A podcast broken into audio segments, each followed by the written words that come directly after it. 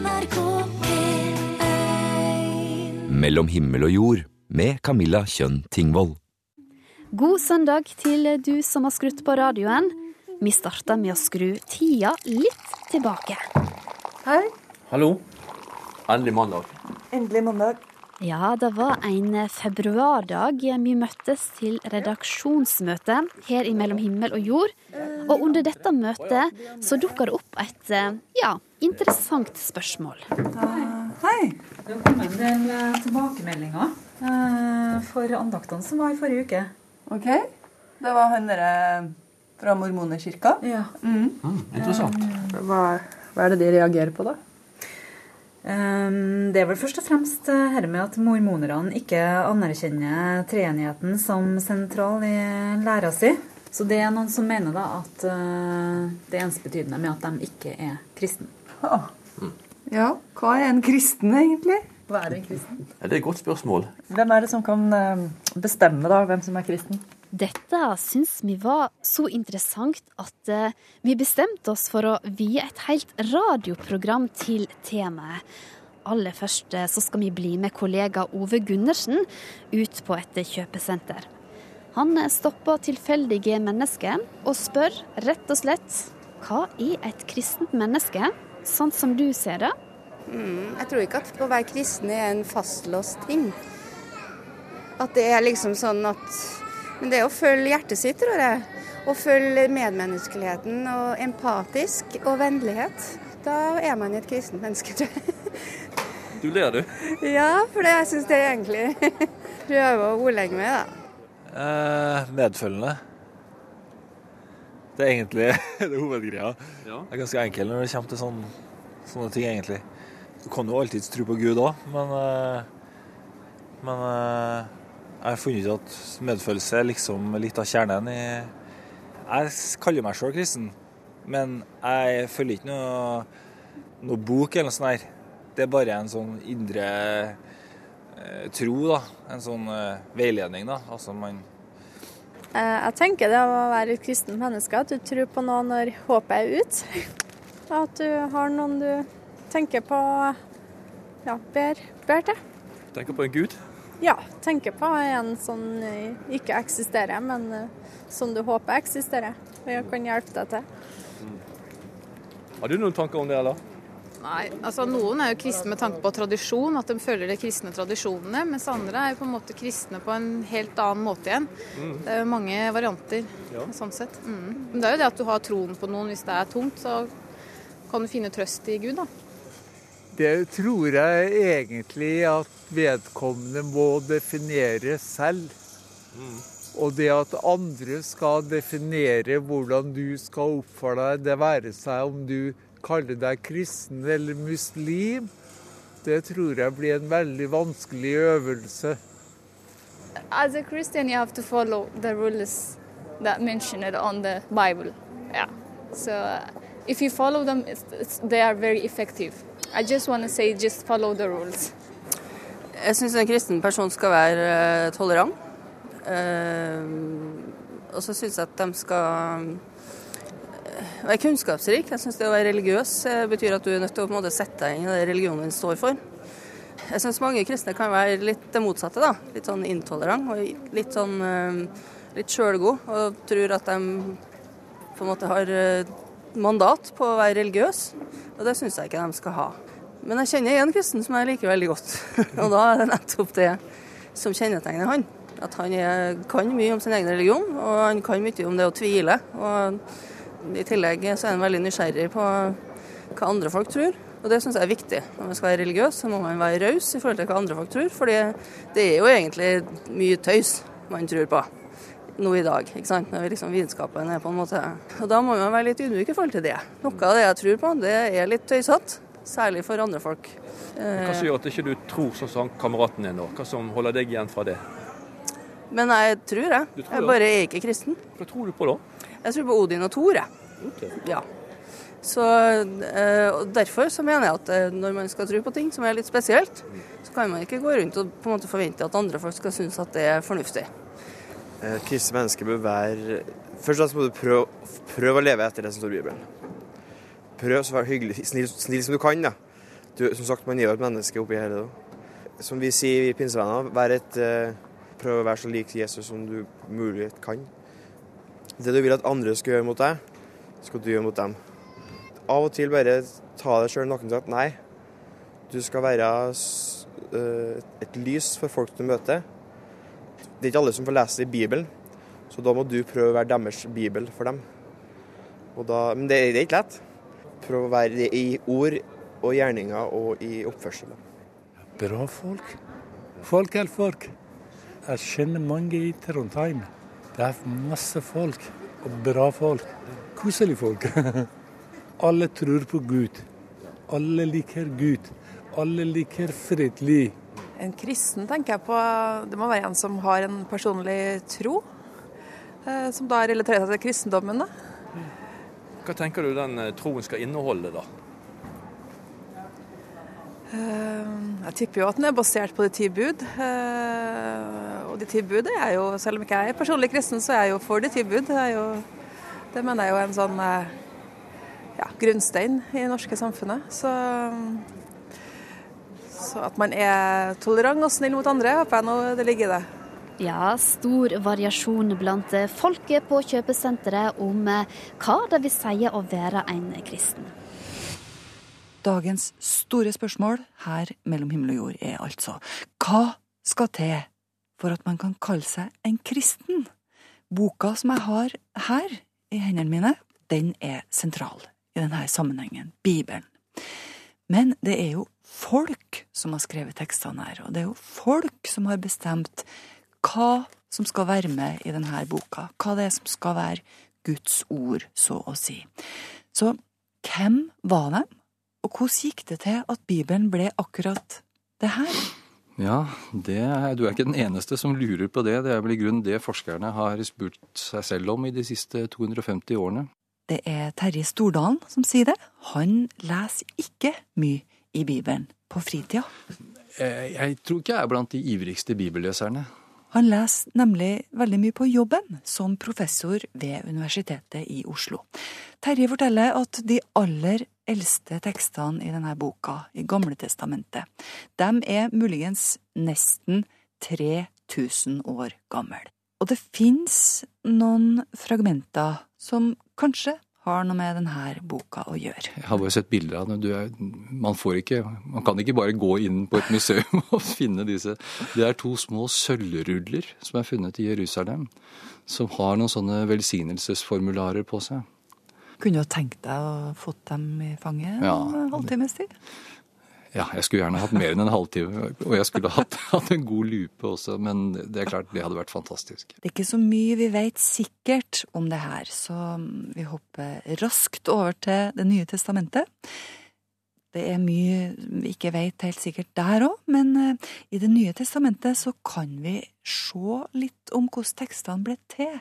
For det starta med tale, historiefortelling.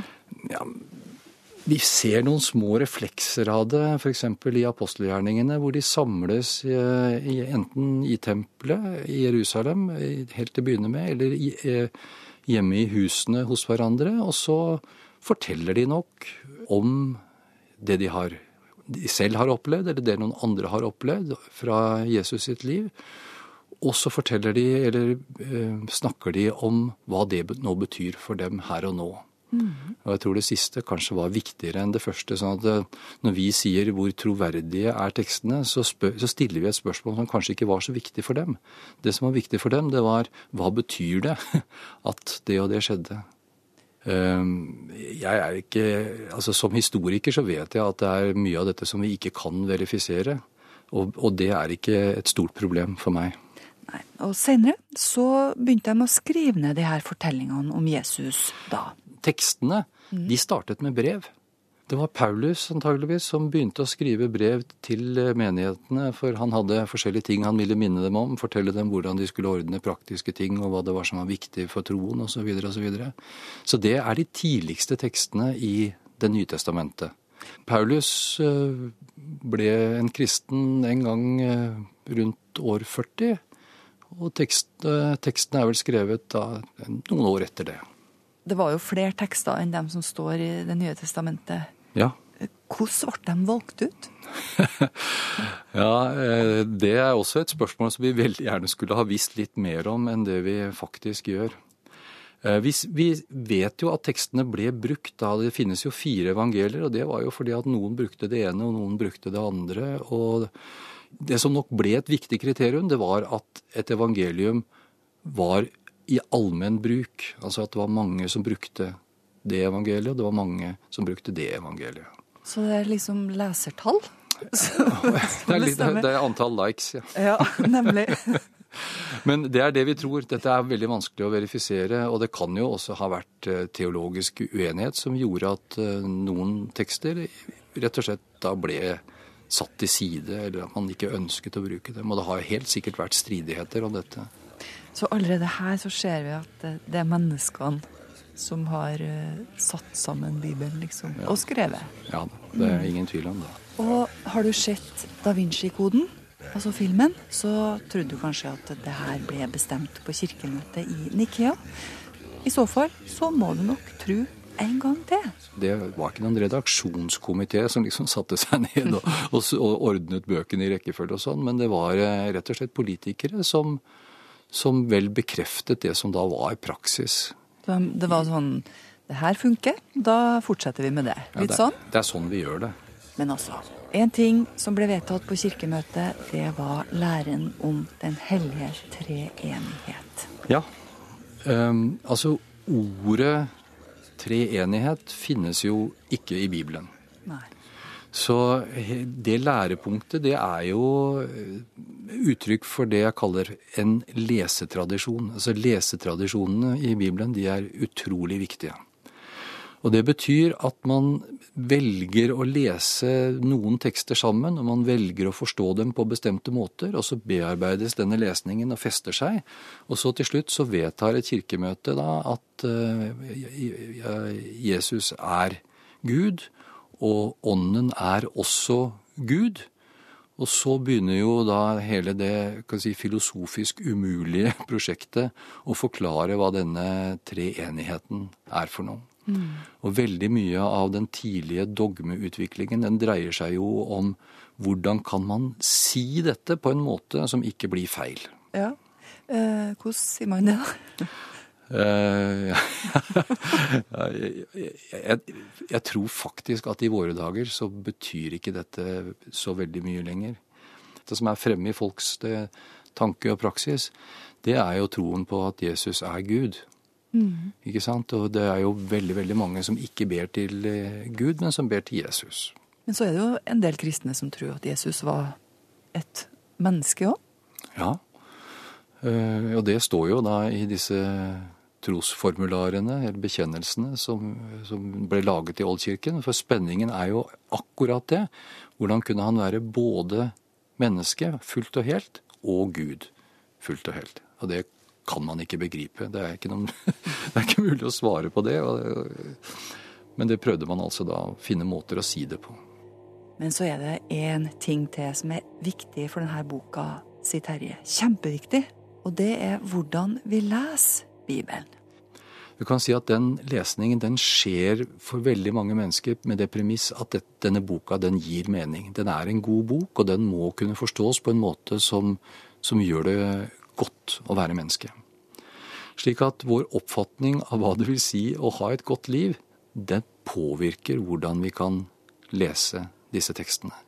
Og eh, det som er helt sikkert, er at lesningen av disse tekstene den har altså endret seg radikalt opp gjennom Bibelens eh, historie, og den er fortsatt i endring. Han snakker jo om hvordan vi velger bort de tekstene som er problematiske, som ikke stemmer overens med det livet vi lever. Som det her, som står i Paulus sitt brev til korinterne. Som i alle de helliges menigheter skal kvinner tie i menighetssamlingene. For det tillates dem ikke å tale, men de skal underordne seg, som også loven sier. Det her har jo Den norske kirke valgt bort. Men vil Terje gå så langt som til å si at måten vi leser Bibelen på, er viktigere enn Bibelen sjøl? Jeg tror jeg kanskje vil si det enda litt mer drastisk. Jeg- vet ikke helt hvordan vi kan snakke om hva Bibelen er i seg selv. Altså, Bibelen må leses for å få mening, og det betyr at leserne er en del av den prosessen som gir Bibelen mening. Men har det virkelig ingenting å si hva slags tekster som ble kasta den gangen, og hva slags tekster som ble tatt med i Bibelen? Terje Stordalen forteller. Vi har manuskripter der noen, der deler av de nytestamentlige teksten ikke er med.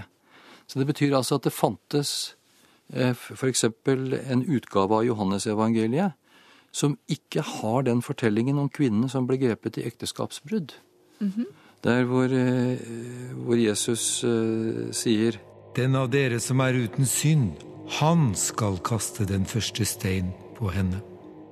Denne fortellingen her den er så god at den kom inn etter at prosessen egentlig var i ferd med å fryse teksten. Det er sikkert veldig mange bibellesere som er fryktelig glad for at den fortellingen om kvinnen og Jesus står der i det evangeliet. Eh, og som ikke tenker på til daglig om dette var noe som faktisk skjedde. For enten det skjedde eller det ikke skjedde, så sier det noe som er fantastisk viktig. Ja, tror du samfunnet vårt hadde vært annerledes hvis ikke den historien hadde stått der? ja, det er jo et stort spørsmål. Hvem vet? Det er i hvert fall en tekst som har betydd mye for mange mennesker. Hva er en kristen? Ja, temaet da går igjen i Mellom himmel og jord denne søndagen. Og kanskje så fikk du nylig med deg at eh, pave Frans han har sagt at eh, Donald Trump ikke kan kalle seg en kristen. Bare hør her. Una persona che pensa soltanto in fare muri Paven han var altså på besøk i Mexico i februar. Og på vei hjem igjen så snakka han med pressa om bord i paveflyet. Og det var da han kritiserte at eh, presidentkandidat Trump vil bygge mur mellom USA og Mexico for å holde illegale innvandrere ute. Alle og enhver, uansett hvem, som ønsker å bygge murer og ikke bruer, de er ikke kristne, sa pave Frans. Trump eh, han fikk nyss i dette her, og han svarte med å si at eh, dette det var virkelig ikke fint eh, sagt av paven. The Pope was in Mexico. Do you know that? Did everyone know, right? He said negative things about me. I can promise you that the Pope would have only wished and prayed that Donald Trump would have been president. Men så kan jo en stille seg spørsmålet hvor går grensa for å være en kristen eller ikke? Og går det i det hele tatt ei grense? Og hvem er det som i så fall kan definere om du er innenfor eller utenfor? Disse spørsmålene skal vi utforske videre. Nå vender vi oss eh, til en konservativ del av det kristne landskapet, og leter spørsmålet gå til Norsk Luthersk Misjonssamband og informasjonsleder Espen Ottosen det hender jo at jeg møter mennesker som sier at de er kristne, og så lurer jeg litt på hvor dypt det stikker. Eh, jeg skal ikke gjøre meg til dommer over eh, menneskers tro, men jeg er jo opptatt av at eh, det er noe som heter selvbedrag. Det går an å, å, å misforstå hva, hva, kristendom er, og jeg tror det avgjørende for å kunne kalle seg en kristen, det er at, at mennesker har et eh, personlig forhold til Jesus som eh, frelser, forsoner, eh, herre. Eh, og det å bare være en slags eh, kulturell kristen, en sosiologisk kristen, som syns det er mye fint i kristendommen, men som eh, hopper over det som har med frelse, nåde, tilgivelse å gjøre, det, da tenker jeg at det, det holder ikke. En kristen det er en person som slutter seg til den kristne trosbekjennelsen, eh, og hvordan man eh, tar konsekvensen av det i livet. Hva vil det si? Kristne vil jo si at det er viktig å leve etter de ti bud. Eh, det er viktig å ja, følge ganske mye av det som står i Bibelen. Og samtidig så er jo tilgivelse viktig. Ingen av oss klarer jo fullt ut å leve som kristen. Eh, leve etter, etter Guds vilje. Det blir veldig lett slik at man henger seg opp i enkelte saker, og så fremstår jo de som eh, mer viktige enn de kanskje er. Eh, vi, vi vet at eh, spørsmålet om homofili har liksom dominert debattene kjempelenge. Før det var det kanskje litt synet på abort, og, og det har vært en del av disse etiske spørsmålene. Eh, Og jeg er litt eh, redd for å, å gjøre kristendom til et spørsmål om å ha den rette meningen i en haug eh, med spørsmål. Men jeg har jo den grunnholdningen at det å si at Jesus er min frelser, han er min herre, og samtidig ta veldig lett på det han sier og det Bibelen sier, altså der er det en eller annen eh, kollisjon jeg ser. Det må være et visst samsvar mellom lære og liv. Men Jesus blir jo også oppfatta på ulike måter. Eh, Kan du være konkret på noen handlinger eller syn som, eh, som er en grense, som du ser det? Det kanskje aller tøffeste Jesus selv sier eh, ganske mange steder, og som treffer de fleste nordmenn ganske hardt, tror jeg, det er jo hans ord om at du kan ikke tjene både Gud og mammon. Altså, det går an for eh, oss mennesker å gjøre mammon, altså penger, ting, til en avgud. Problemet, ifølge Bibelen, er jo da å eh, ikke nødvendigvis ha mye penger, men å elske disse pengene. Og, og la ens egen egoisme dominere eh, fullstendig.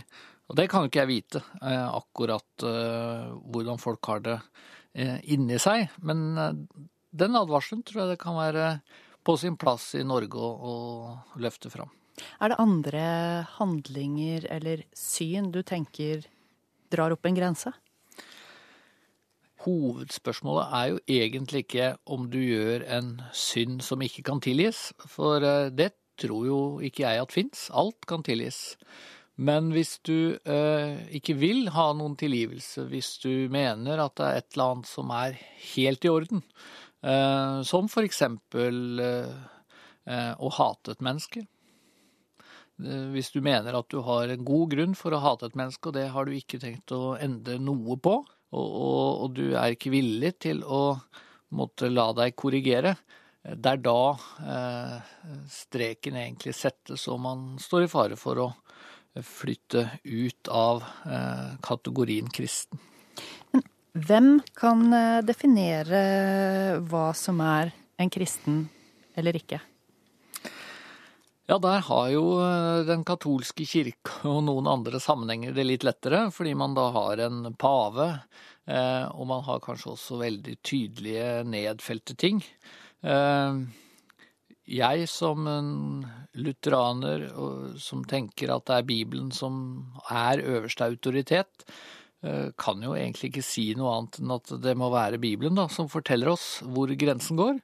Og så er dilemmaet at det er en del uenighet ute og går da, om akkurat hva Bibelen sier. Eh, Jeg tilhører jo bedehusbevegelsen, eh, og vi er blitt kritisert, eh, med rette innimellom, tror jeg, for at vi har vært for opptatt av å si at sånn er en kristen. Punktum. Og så har man blitt for opptatt av å, å, å definere folk utenom. Kan du si konkret hva dere har sagt for mye av i bedehusbevegelsen? Det har vært en eh, tradisjon i våre sammenhenger for at eh, skal du eh, være en kristen, så kan du ikke smake alkohol. En del ting som også går på utseende. Jeg tror det er mange kvinner som fikk beskjed for 50 år siden om at de kunne ikke sminke seg for mye. Da så man ikke ut som en kristen. Det har vært en del sånne veldig ytre ting, da. Mm. Hva tenker du om de tingene nå? Jeg tenker at man ble altfor eh, preget av en, en kulturell måte å tenke på.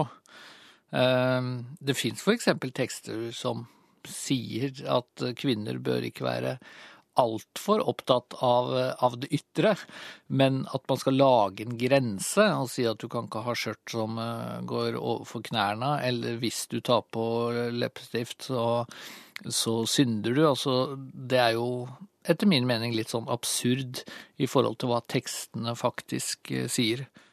Espen Ottosen fra Norske Lutherske Misjonssamband han hadde snakka med reporter Ragnhild Sleire Øyen. Og vi holder fram med å spørre om hva det egentlig vil si å være kristen. I de neste minuttene så skal vi rette oppmerksomheten mot Britt Dybing, som grundig har fått smake på denne problemstillinga gjennom livet. Britt hun vokste aldri opp i en spesielt religiøs heim, men ble tidlig i livet opptatt av Jesus og kristendommen. Så hadde min mor ei venninne som var søndagsskolelærer, og da var det veldig naturlig for henne å sende meg dit. Jeg husker at hun het Signy, og, og Signy var liksom det vakreste navnet jeg visste om i mange år etterpå. Hva var det med hun som gjorde at hun eh, ble såpass spesiell for deg? Jeg tenker jeg hadde huska det. det var nok et det, var nok, det må ha vært noe med hennes formidling, tror jeg, av, eh, av det kristne budskapet. For, eh, for Signy og Jesus og Gud, det var på en måte Det, det hang i hop. Tenkte du noe over, når du var såpass liten, hva det ville si å være kristen? Det var nok nært knytta sammen med et ideal om å skulle være snill med andre mennesker og hjelpe andre mennesker. Og veldig tidlig så, så ville jeg jo bli sykepleier når jeg ble stor, for da skulle en jo virkelig hjelpe andre mennesker. Fra et NRK-studio i Oslo med tanker som går over 45 år tilbake igjen i tid. På en stol framfor en mikrofon sitter Britt Dybing. Med halvlangt, mørkeblondt hår, briller og mørkelilla topp. Så lenge 55-åringen kan huske, så har kristendommen hatt en spesiell plass i livet hennes. Men i ungdomsåra på 70-tallet så føler hun at trua blir satt på prøve. Britt blir en del av det som hun kaller et karismatisk kristent miljø. Hun føler på mange måter et godt fellesskap, men hun opplever òg at det blir lagt føringer på hva det er å være en kristen.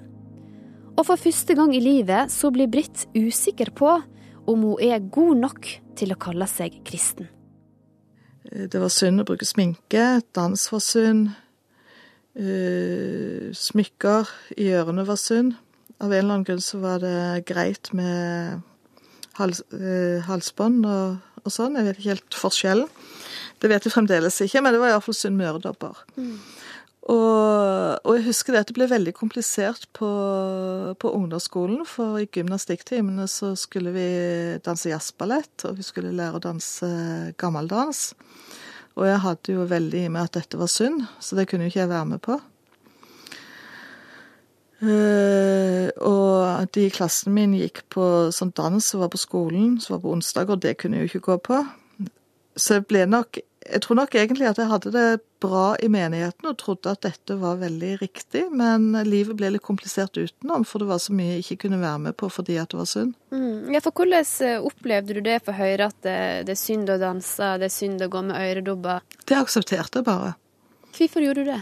Fordi at jeg trodde at disse lederne hadde rett. Det var jo voksne mennesker, og de måtte jo vite det, så Eh, så det aksepterte jeg bare, rett og slett. Ja, men reflekterte du noe rundt det sjøl? Altså, hva er på en måte eh, sammenhengen mellom det å gå med øredobber og det å, å eh, ikke tro på Gud? Ja, Nei, jeg tror ikke jeg reflekterte så mye over det. Og jeg spurte nok noen om akkurat dette her med hvorfor, hvorfor det var galt å bruke øredobber, men ikke andre smykker. Eh, men, men, stort sett så var det veldig greit bare å akseptere det. Og jeg var nok veldig sånn som tok veldig på alvor det som ble forkynt. Så når det da var predikanter som snakket om hvordan du skulle be rett for å få bønnesvar, så tok jo jeg dette her veldig på alvor. Mm, på hvilken måte tok du det på alvor? Sånn at hvis det var noe jeg ønsket å ha bønnesvar om, så prøvde jeg å følge de oppskriftene, og det var jo ganske frustrerende da når likevel ikke funka. Husker du noe du ba om? Ja, veldig banalt så husker jeg at, uh, at jeg ba om uh, at jeg skulle få, få godt syn. Fordi jeg hadde ble, fikk briller som veldig tidlig. Jeg var vel tolv år og så ganske dårlig uten. Og jeg ba og jeg ba og lukket øynene, og så hadde jeg fulgt oppskriften. Og jeg åpnet øynene og så like dårlig. Det er jo Det er nesten flaut å snakke om nå at, eh, på et så enkelt nivå, men det var, det var litt sånn det var. Mm. Og da var det noe gale med deg som gjorde at ikke du fikk eh, synet som du ba om? Ikke sant? Nei, det var jo min tro det var noe galt med. Det tenkte du? Ja, det var jo ikke Gud det var noe galt med. Så da måtte det være meg. Fikk du noen gang høre at du ikke var en god nok kristen? Nei. Ikke, eller ikke, ikke da. Ikke den gangen. Eh, men eh, det, Og det tror jeg ikke vanlig at det blir sagt heller. Det er noen eh, krav en lager til seg sjøl ut ifra den forkynnelse som er. At du, du på en måte Det forkynnes så mye om ting som er idealer, og som du må føle at du skal nå. Og så lenge du ikke klarer å nå de idealene, så får en en egen fordømmelse av nesten at en ikke er god nok. Mm, så det var, det var du sjøl som, som, dømte deg, altså? I, fram til jeg var 16, så var det det. Etter at eh, jeg begynte å flørte litt med verden, hvis det går an å si det på den måten, så, så fikk jeg jo høre det med dette med at eh, jeg røyka.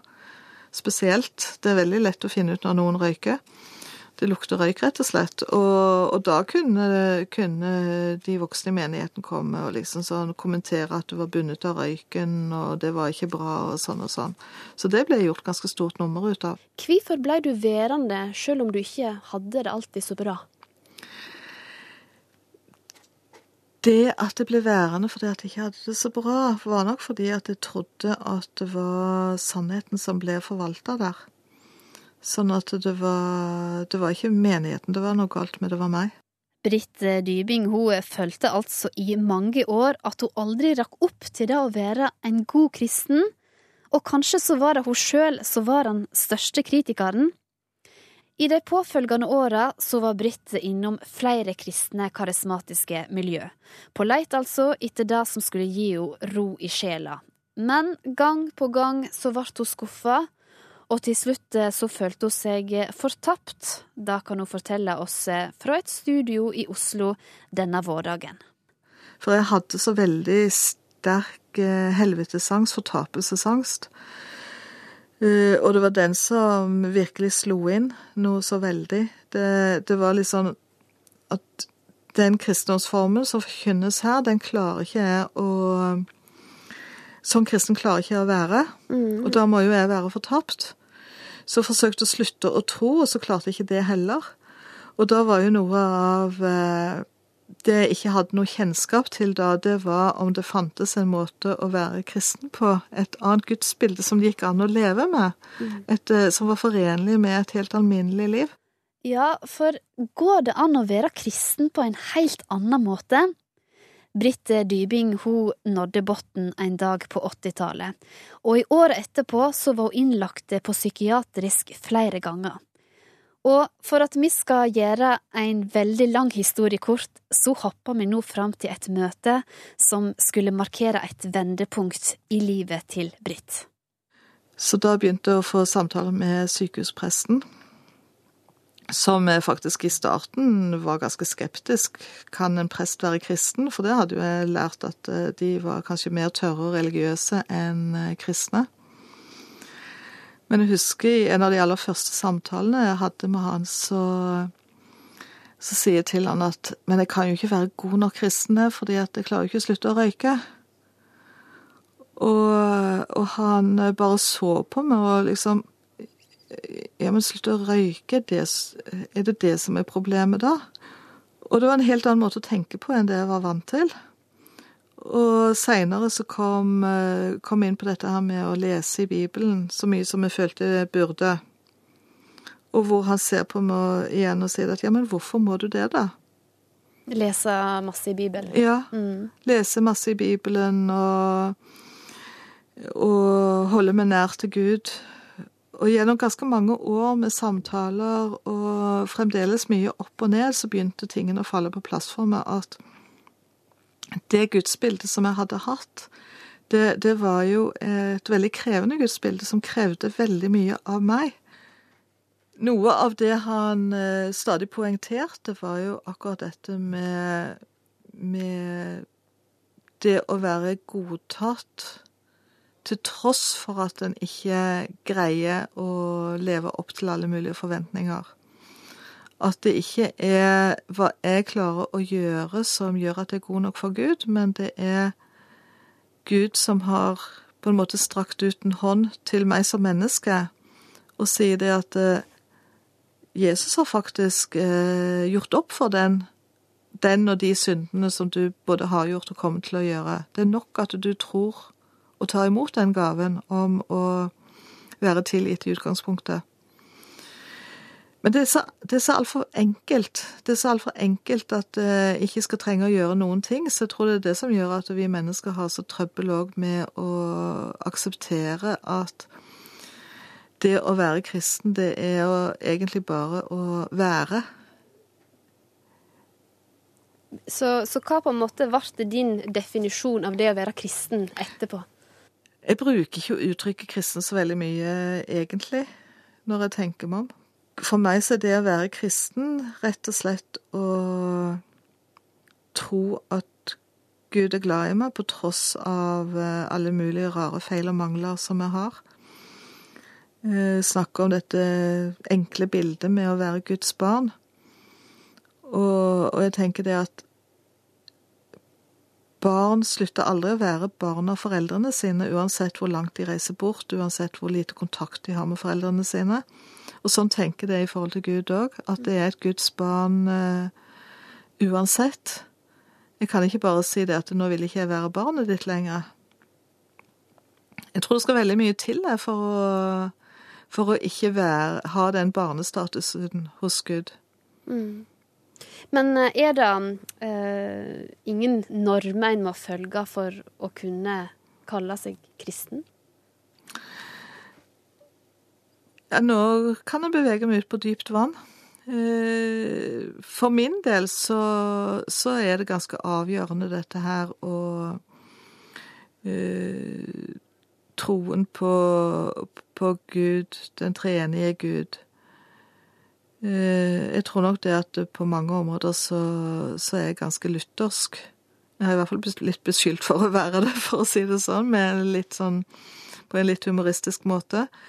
Eh, dette med nåden alene som frelsesgrunnlag er jo for så vidt et veldig luthersk prinsipp òg. Eh, men når jeg ser på verden, menneskeheten, under ett, alle de religionene som er, alle de forskjellige variantene av eh, kristendommen som er, så tenker jeg at jeg kan ikke si at akkurat det som jeg tror, det er det eneste rette for å, å være en kristen. Da har jeg allerede beveget meg ut i en eller annen ytterkant og kunne ha startet min egen sektoromsorger. Men, men jeg tror Gud er så glad i disse menneskebarna sine at han har ganske mange forskjellige planer for hvordan han skal eh, bevare oss som sine barn. Og og der kan ikke jeg sette opp en eh, fasit som, hvor jeg skal kunne si til noen at du er ikke god nok kristen. Mm. Og, og, jeg tror nok det at min tro er ganske enkel. Er på en måte litt sånn tilbake på litt søndagsskoletro. Jeg tror på Jesus, derfor er jeg kristen. Ja, og vi kan kanskje si da at Britt hun falt tilbake igjen på det som i utgangspunktet var synet hennes på det å være kristen. Tilbake til de glade dagene på søndagsskolen, og tilbake igjen til det lærer Signy hadde fortalt. For det som Signy fortalte til Britt, det passa hun mye bedre.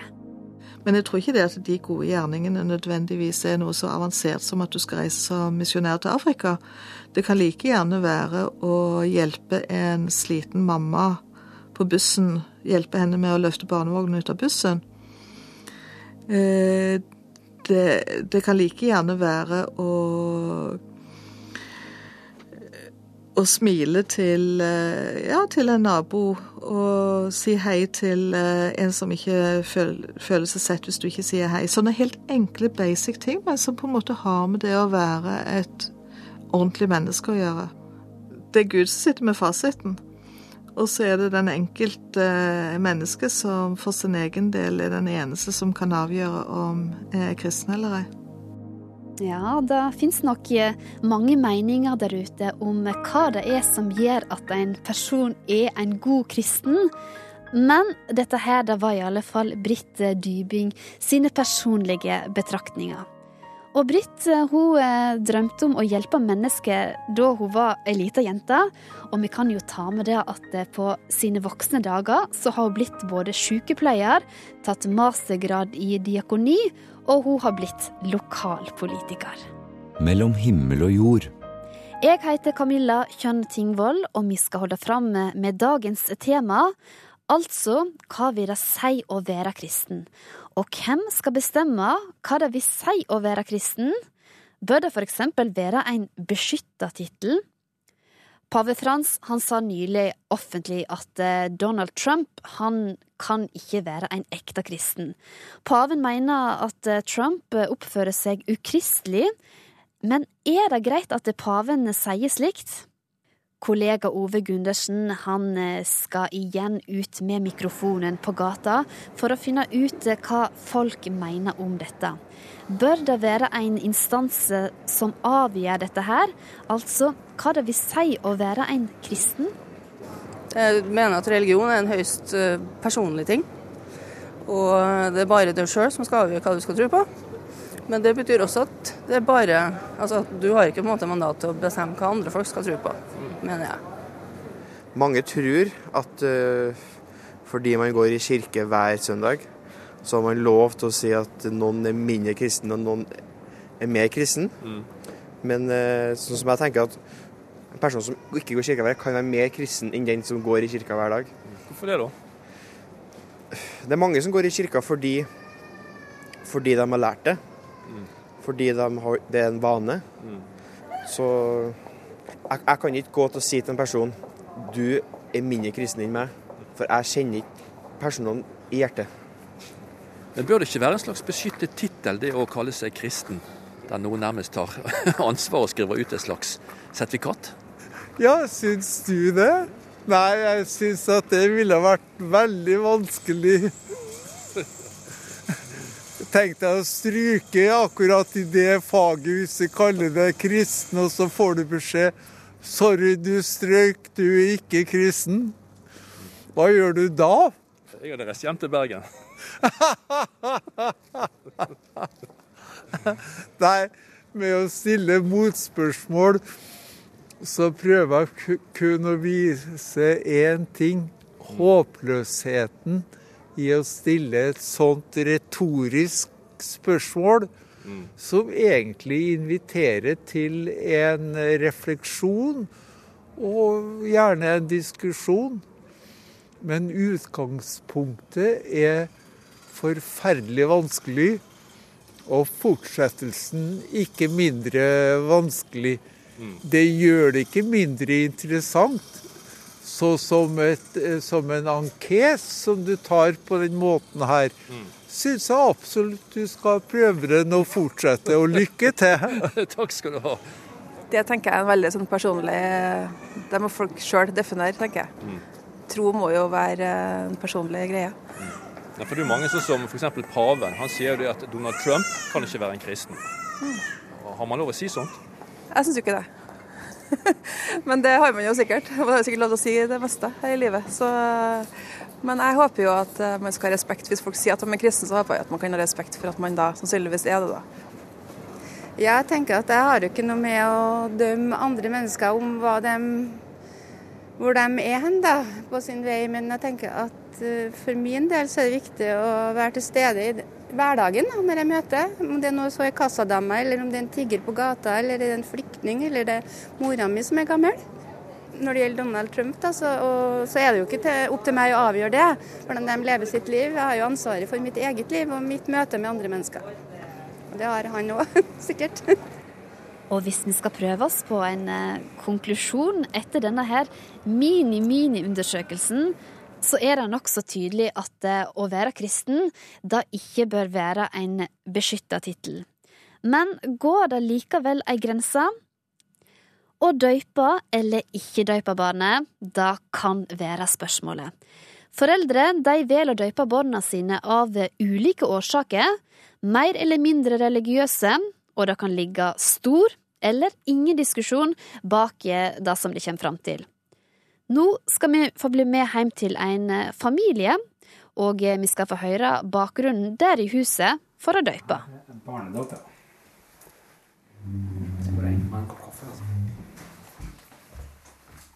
Jeg heter Øyvind Prestvik, jeg er 43 år, jeg bor i Trondheim.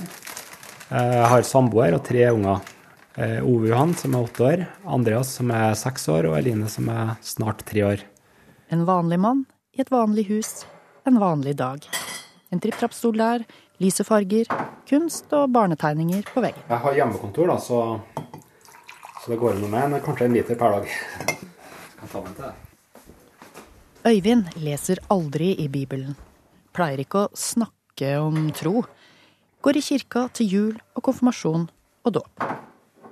Akkurat nå klikker han fram med bilder fra dåpen til yngstejenta på dataen. Skal vi se, her er bestefaren, og så er Line, da. På dåpsdagen. Den har nok gått i arv, den der kjolen der, så er det nok flere som er døpt i den, da. Her er vi på tur til kirka. Her er bestemor, mora mi, da. Morfaren til Det var vel et alternativ med navne, navnefest i stedet, men vi valgte dåp, da. Jeg er nok den som har Vi er jo samboeren min og jeg som bestemmer det sammen. Men jeg har i hvert fall vært og trykt på at vi skulle få en, en dåp, da. Og det har med, for det første med tradisjon å gjøre. At uh, i mange ledd bak meg da, i, i familien, så er altså, mora og faren min er døpt, besteforeldrene er døpt, oldeforeldrene er døpt. Så, så, så, det er tradisjon. Og i tillegg så, så um, Jeg har opplevd noen sånne nestenulykker. Så at du, hvis, vi er, hvis vi får utdelt ny liv, da, så har jeg kanskje bare en, en fire-fem igjen. Uh, så jeg, jeg, tror egentlig at det er en, en gud her som, som kan hjelpe oss. Kanskje kristendommen kan gjøre livet vårt litt tryggere. Jeg vet ikke, men jeg tror det sjøl. At det, det, kan være mulig. Da han var elleve, ble han tatt i et snøskred. Og vi ble uh, ført langt nedover fjellsida der, og det var jo sånne flakskred, så flakene var sikkert et par tonn. Vi kom oss opp på skredet, da, så, vi, så ingen, alle vi ble uskadd. Men hadde vi vært ligget imellom, så har vi nok kanskje blitt kvalt eller klemflat. Høsten han var 16, kjørte han traktor på en grusvei høyt over elva. Eh, og da var uheldig at grunnen under oss brøt sammen, da, så trilla traktoren nedover mot elva, langt nedi der.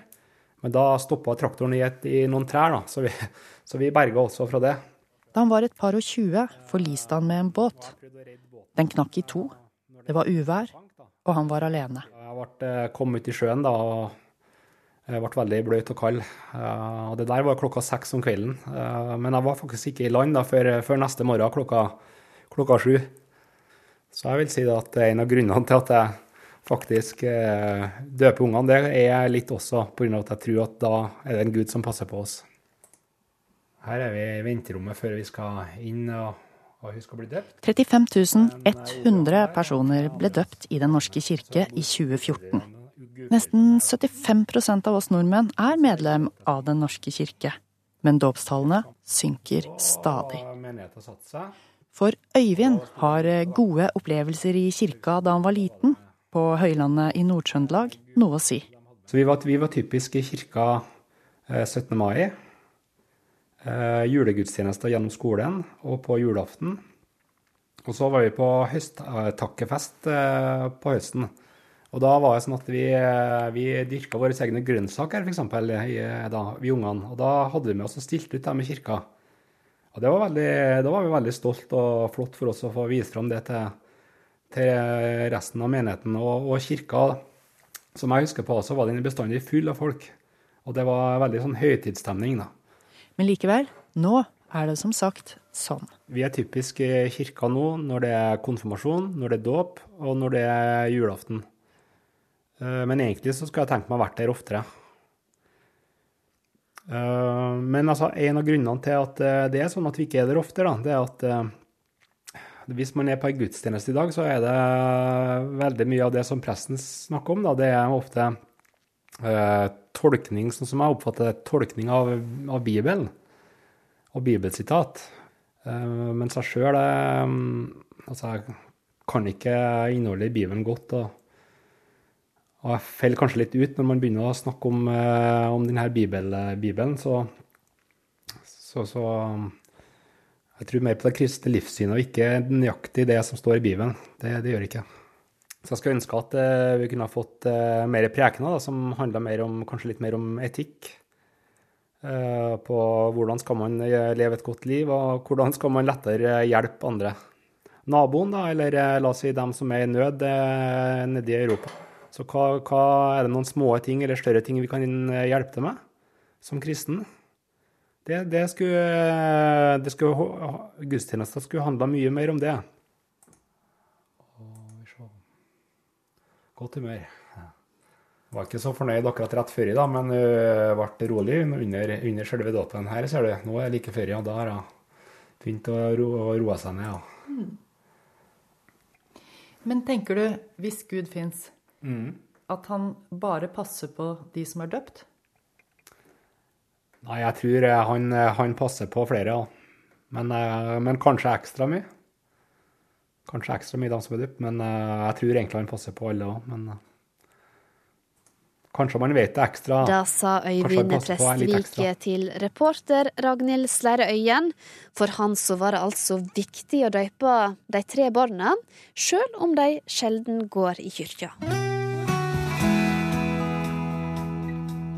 Einar Øvereng, filosof. Velkommen til Mellom himmel og jord. Takk. Fra filosofens ståsted, hva er det egentlig å være en kristen? Det er jo ikke så lett nødvendigvis å gi et svar på det. Og, og, må vi ha et svar på det, er det ikke nok at folk sier at de er det. Men typisk så vil det ligge noe i det. Men det som kanskje skiller kristendommen fra noen av de andre verdensreligionene, mm. det er at det er ikke så mange lover og regler i kristendommen. Eh, det å være en kristen det dreier seg nok om å tro på Gud tro at uh, Guds sønn Jesus kom til jorden, og at han ble et offerlam, og han uh, døde for vår skyld, han uh, sto opp fra de døde, osv. Det er noen sånne momenter som man nok tror på, i en eller annen betydning av ordet tro på. Men det er ikke sånn at kristendommen er definert gjennom at man skal følge en hel masse lover og regler, som man kanskje vil finne igjen innenfor både jødedom og islam, på en helt annen måte. Noen vil jo protestere og si at eh, kristendommen den er jo full av bud og regler, og man har jo de ti bud. og Er du medlem av en menighet, så, så må du ofte Ja, det, det, er noen føringer der om livsstil og, og, sånne ting, da. Det er det nok, men den er ganske innvendiggjort blitt kristendommen. Den var kanskje ikke det i sin opprinnelse, den var mer utvendig. Det dreide seg om å gjøre bestemte handlinger. Men la oss si at du har en person i dag som sier at jeg går jevnlig i kirken, og jeg lever på sømmelig vis og sånt noe, så, så, derfor er jeg en kristen, så vil jo mange si at eh, ja, men tror du på Gud, da? Tror du på, ikke sant? At vi stiller de spørsmålene. Var ditt indre forhold? Eh, mm. Så vi er ikke fornøyd med de helt utvendige svarene. På annen side så kan en person si at eh, jeg har på mange måter levd et klanderverdig liv. Kanskje gjør jeg det fortsatt, men jeg tror på Gud. Jeg tror på eh, tror Jesus er Guds sønn. Jeg tror han sto opp for de døde. altså så vil vi jo si at ja, men da er du en kristen. Altså vi setter ikke noen handlingskrav til det å være det, faktisk. Og vi tenker at det blir i så fall Guds jobb eh, ved neste korsvei mm. å ta stilling til det. Så, så, kristendom kan du si, er litt sånn slappere på etikk og moral enn f.eks. islam, da? Nei, ikke nødvendigvis, det vil jeg ikke si. Men den, har, den, er kanskje, den, den, er kanskje, veldig sterk på det som har med inderlighet å gjøre. Mm. At det skal være din inderlighet. At det skal være ekte dette i en eller annen forstand. Nå har jeg ikke sagt at ikke alle andre religioner er det, men legger vekt på det der personlige gudsforholdet. Og ingen kan egentlig si om en annen at han eller hun ikke er en god kristen. Det er noe grunnleggende ufint ved det. Det er et forhold mellom deg og, og din Gud. Eh, det, faktisk. Selv om noen ganger så bruker vi ukristelig for å beskrive handlinger. Men vi passer oss vel for å gjøre det for å beskrive mennesker vil jeg nok si. Ja, for det har vi jo hørt eh, forholdsvis nylig at eh, f.eks. paven sier til, eh, om Donald Trump at han er ikke noe ekte kristen. Ja, og det er klart at det er veldig sterke ord fra en pave, og hvis de hadde blitt ytret for en 500-600-700 år siden, så kunne det blitt riktig farlig for Donald Trump også. Men jeg vil fortsatt si at det er noe grunnleggende veldig ufint ved paven å si det. Vi tenker ikke på den måten. Vi tenker ikke at selv om noen er uenige med paven i ting som har med politiske spørsmål å gjøre, så blir man ikke mindre kristen av den grunn. Og man blir ikke mer kristen av å være enig med han nødvendigvis heller, vil jeg si. Eh, og, og bruke, trekke den type merkelapper inn i politikken. Jeg vil tro at Donald Trump antageligvis også ikke er enig i pavens syn på sølibatet, og heller ikke er enig i pavens syn på prevensjon. Og det gjør nok ikke Donald Trump mindre kristen fordi han ikke er enig med paven i spørsmål som er av mer politisk art. Og generelt så forsøker man å passe seg for innenfor kristendommen å si at mine meningsmotstandere eh, ikke er eh, kristne nok, eller er dårlige kristne, fordi de har politiske oppfatninger som divergerer fra mine, som er noen andre enn mine. Det tenker vi eh, det er veldig problematisk. Det er ikke menneskene som deler ut sånne type eh, eh, merkelapper. Det er i så fall Guds jobb. Men hvem er det som skal bestemme at det er sant, det som du sier nå, da? At ikke det finnes en kjerne, et, et tydelig program et eller annet sted som sier at Jo, det gjør det jo. Ja. Det er klart det gjør det. Vi har jo de hellige tekstene. Vi har jo f.eks. Nytestamentet, da. Men det man nok ser mer av i, i kristendommen Nå har jo selvfølgelig den også gått gjennom en stor utvikling. Mindre det å følge lover og regler, og mer det å følge det forbilledlig. Man tenker da Jesus som en som, som forbilledlig person. Det er noe ved hans handlinger som vi kan se på og ta etter. Ikke bokstavelig, ikke nødvendigvis gjøre akkurat som han gjør, men vi kan la oss inspirere av hans handlinger. Som, som på mange måter er sterkt antiautoritære, ikke sant? Mm. Som er veldig samvittighetspregede. Som er lite fordømmende i møte med andre mennesker. Som, som nettopp ikke nok ville ha likt uh, utsagn av typen 'du er mindre kristen enn meg' som, er, som preker ydmykhet uh, i mange situasjoner, som preker kjærlighet. Og da tror jeg nok man sier at vel, la Jesus stå der som et forbilde, som man kan ta etter og inspirere, men som betyr at det, to mennesker kan nok handle forskjellig og, og, og allikevel si at de har hatt Jesus som et forbilde i en gitt situasjon. Og hvis ta det f.eks. i den helt konkrete norske asyldebatten, Mm. som har hatt veldig steile fronter, så tror jeg man skal også passe seg, og det har vært antydet at meningsmotstanderen der, altså tilhengerne av en veldig liberal asylpolitikk og tilhengerne av en veldig streng asylpolitikk, gjensidig har delt ut sånne type merkelapper, eh, begge veier, men iallfall ene veien så har det vært forsøksvis delt ut merkelapp at dere er ikke eh, kristne nok, holdt jeg på å si, hvis du ikke er tilhenger av vår, eh, vår asylpolitikk eller vår oppfatning av asylpolitikken. Mm. Det tror jeg blir veldig feil.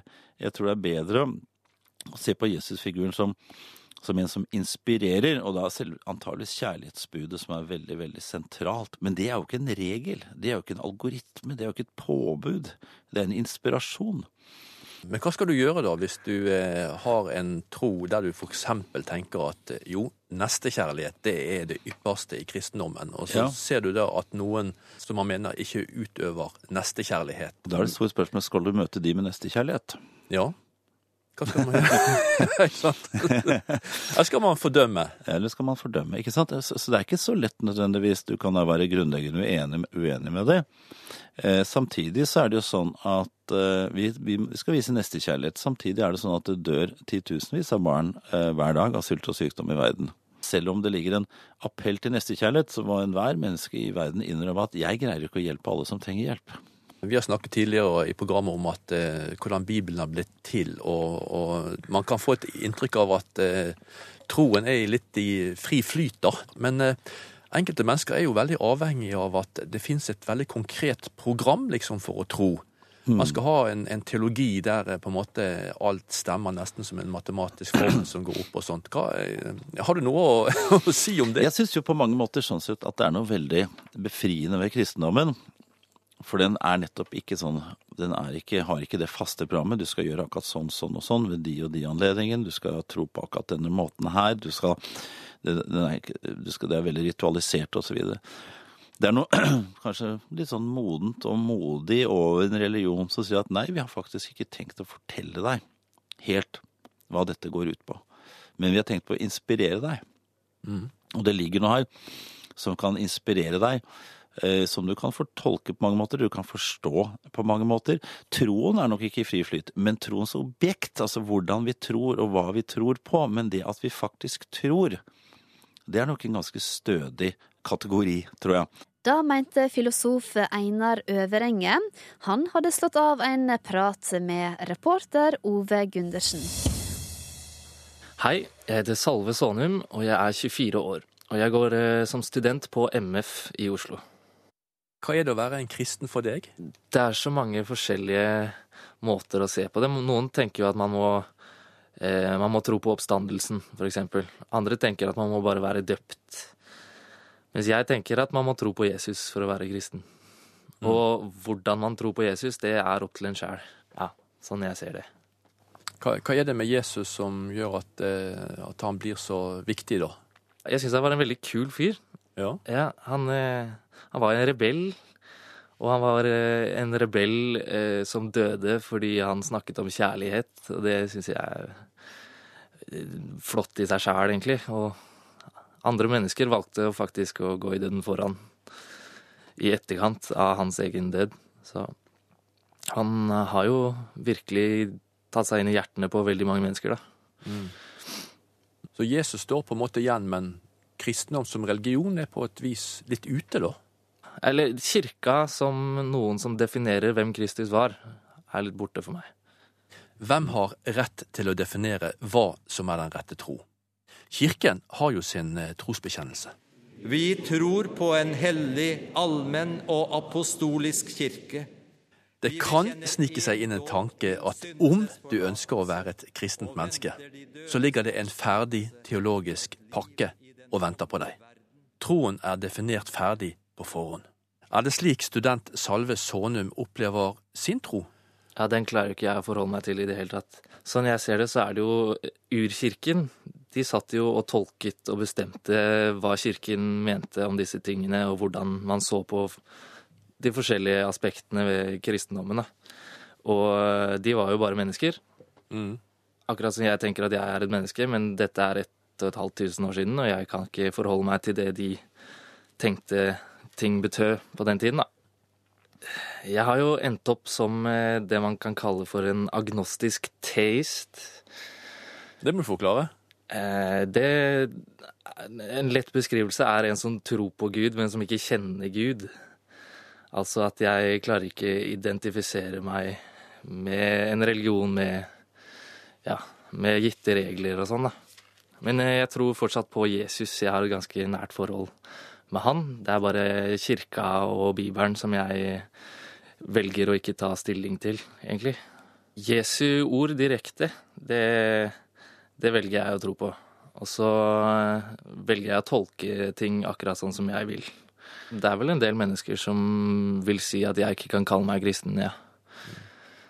Men det er liksom ikke så viktig for meg heller hva, hvilken lapp jeg setter på det. Jeg tror på Jesus, og jeg tror på Gud. Og det er nok for meg. Hva gjør du av hele den eh, kristendommen, den tjukke bibelen med alle disse si, lover og regler og, og, bud? Hvor plasserer du det henne, da? Altså, Jeg er jo veldig glad i kristendommen, da. Jeg har jo, eh, det er jo det som har utviklet min tro til det jeg tror på nå. Eh, og jeg er jo frivillig i kirka flere, flere leirer i året og flere, i flere forskjellige menigheter. Mm. Og jeg, jeg, mener at de har masse gode verdier, og reglene er laget for en grunn. Som sagt, jeg bare velger å ikke forholde meg til det personlige, da. Representerer du mange, tror du, eller er du litt sånn spesiell? Jeg vet ikke, egentlig. Jeg håper jo at det er mange mange av oss, da. Eh, jeg frykter kanskje at folk enten går på 'jeg tror' eller 'jeg tror ikke'. Men eh, jeg er litt mer på 'hva er det jeg tror på'? Jeg håper det er mange Altså. Er det bakgrunnen din som gjør at du føler deg litt som mer som en slags eh, åndelig fritenker? Du, du har ikke noe å forsvare, liksom? Jeg har absolutt ikke noe å forsvare. Jeg, jeg kom fra et hjem hvor alt var åpent, og det har jeg tatt med meg videre, ikke sant. Nå er du student på Menighetsfakultetet. Kanskje peiler du deg inn på en jobb i kirken. Er det plass til deg, tenker du, med å ikke tro på hele den kristne pakka? Det er, det er noen som har litt vanskeligheter med det, kanskje. Men eh, ut ifra samtaler til nå, så har det gått vel overraskende greit, faktisk. Folk er veldig åpne for det meste. Hvis du begynner å jobbe i Den norske kirke f.eks., så kommer det en biskop til deg om noen år og sier at ja, men du kan ikke jobbe her og samtidig tro på den måten som du gjør. Mhm. Eh, hadde du taklet en sånn situasjon, tror du? Det tror jeg jeg hadde gjort hvis han var åpen for samtale rundt temaet. Så absolutt hadde jeg tatt den utfordringen. Hva tenkte du om kristendom før du liksom kom inn i det, før du, når du sto på avstand og så inn? Jeg hadde egentlig aldri noe forhold til det. Jeg jeg dro aldri i kirka, og jeg, jeg var kanskje med tanta mi et par ganger i kirka, og jeg skjønte ikke helt hva greia var. Det var, det var veldig fremmed. Hva, hva syns du var mest fremmed, da? Det er så stramt ofte, kan man tenke, i hvert fall som et barn. da. Mm. Eh, ting skal gjøres på denne og denne måten, og det var ikke jeg vant til i det hele tatt. Det blir litt stivt? Det blir litt stivt, ja. Men eh, nå, har jeg, nå som jeg har blitt vant til det, så har jeg blitt glad i det også. Jeg liker jo å være på gudstjeneste. De orda kom fra Salve Sonum, som studerer faget ungdom, kultur og trosopplæring ved Meningsfakultetet i Oslo. I dag så har vi stilt det, tja, litt store spørsmålet hva vil det egentlig si å være en kristen? Og det er Margrethe Nåvik, Ove Gundersen, Ragnhild Sleire Øyen, Hanne Næss Tremoen og jeg som heter Camilla Kjønn Tingvoll, som står på rulleteksten. Andreas Håtveit, du veit han som ble nummer to i Mesternes mester, han skal få siste ord i Mellom himmel og jord i dag. Andreas han er 29 år og stødig på ski, for å si det forsiktig. Han er òg ganske så bestemt på hva det vil si å være kristen. God søndag videre. Eh, Ja, hva trua mi betyr i min hverdag? Det er jo eh, Det ligger veldig mye i bånn, da. Eh, Istedenfor at, at jeg ser på meg sjøl og min egen lykke som det viktigste i livet, så er, har jeg lært gjennom eh, troa mi og gjennom Bibelen at eh, prioriteringslista mi bør være annerledes. Den burde ha Gud og Jesus på toppen. Så burde den ha familien min som nummer to. Andre folk som nummer tre, og meg sjøl ja, langt ned på lista, i hvert fall. Eh, og Det er ikke alltid jeg klarer å holde den prioriteringslista, men det er, det er noe, i hvert fall sånn jeg ønsker å leve. da. Har du noen konkrete eksempler på hva det betyr i hverdagen din? Ja, konkrete eksempler. Eh, kanskje det, det største eksempelet, jeg vet ikke om det vil si hverdagen, da, men, jeg, men jeg, jeg ga opp hele idrettskarrieren min for å være hjemme mer med familien min. For jeg følte at, at det, det gikk utover dem eh, på dårlig sett. Og det var jo rett og slett gjennom eh, å lese Bibelen og, og forstå det at familien kommer før meg sjøl, og, eh, og hva jeg syns er gøy å gjøre. I Norge så er jo ca. 73% av Norges befolkning medlem av eh, Den norske kirke. Eh, Mange av dem anser seg for å være kristne, eller kulturkristne, fordi de er født inn i en kristen kultur.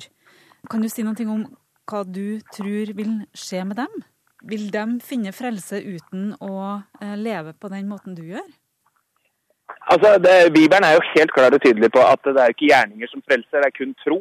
Eh, Det er ikke noe av meg sjøl som gjør at Altså, jeg er ikke en kristen, og jeg kommer ikke til himmelen fordi jeg er bedre enn noen som helst andre. Jeg kan godt hende at jeg er den verste av dem alle. Det eneste som er forskjellen, er at jeg er tilgitt. Jeg er tilgitt av Jesus, og det, er, det har ingenting med min prestasjon å gjøre. Det eneste det har med å gjøre, er med, med tro. Eh, Man er frelst ved tro.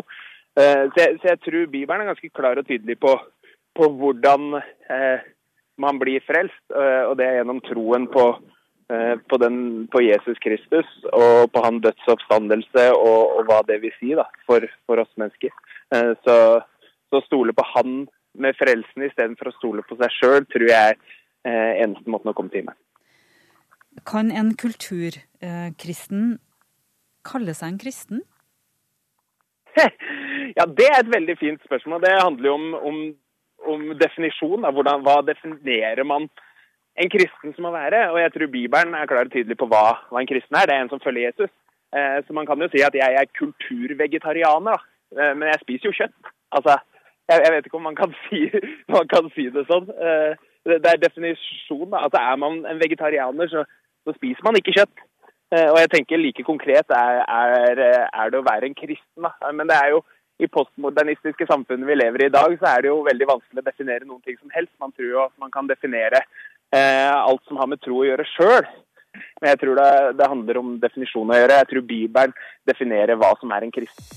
Hør flere podkaster på nrk.no podkast.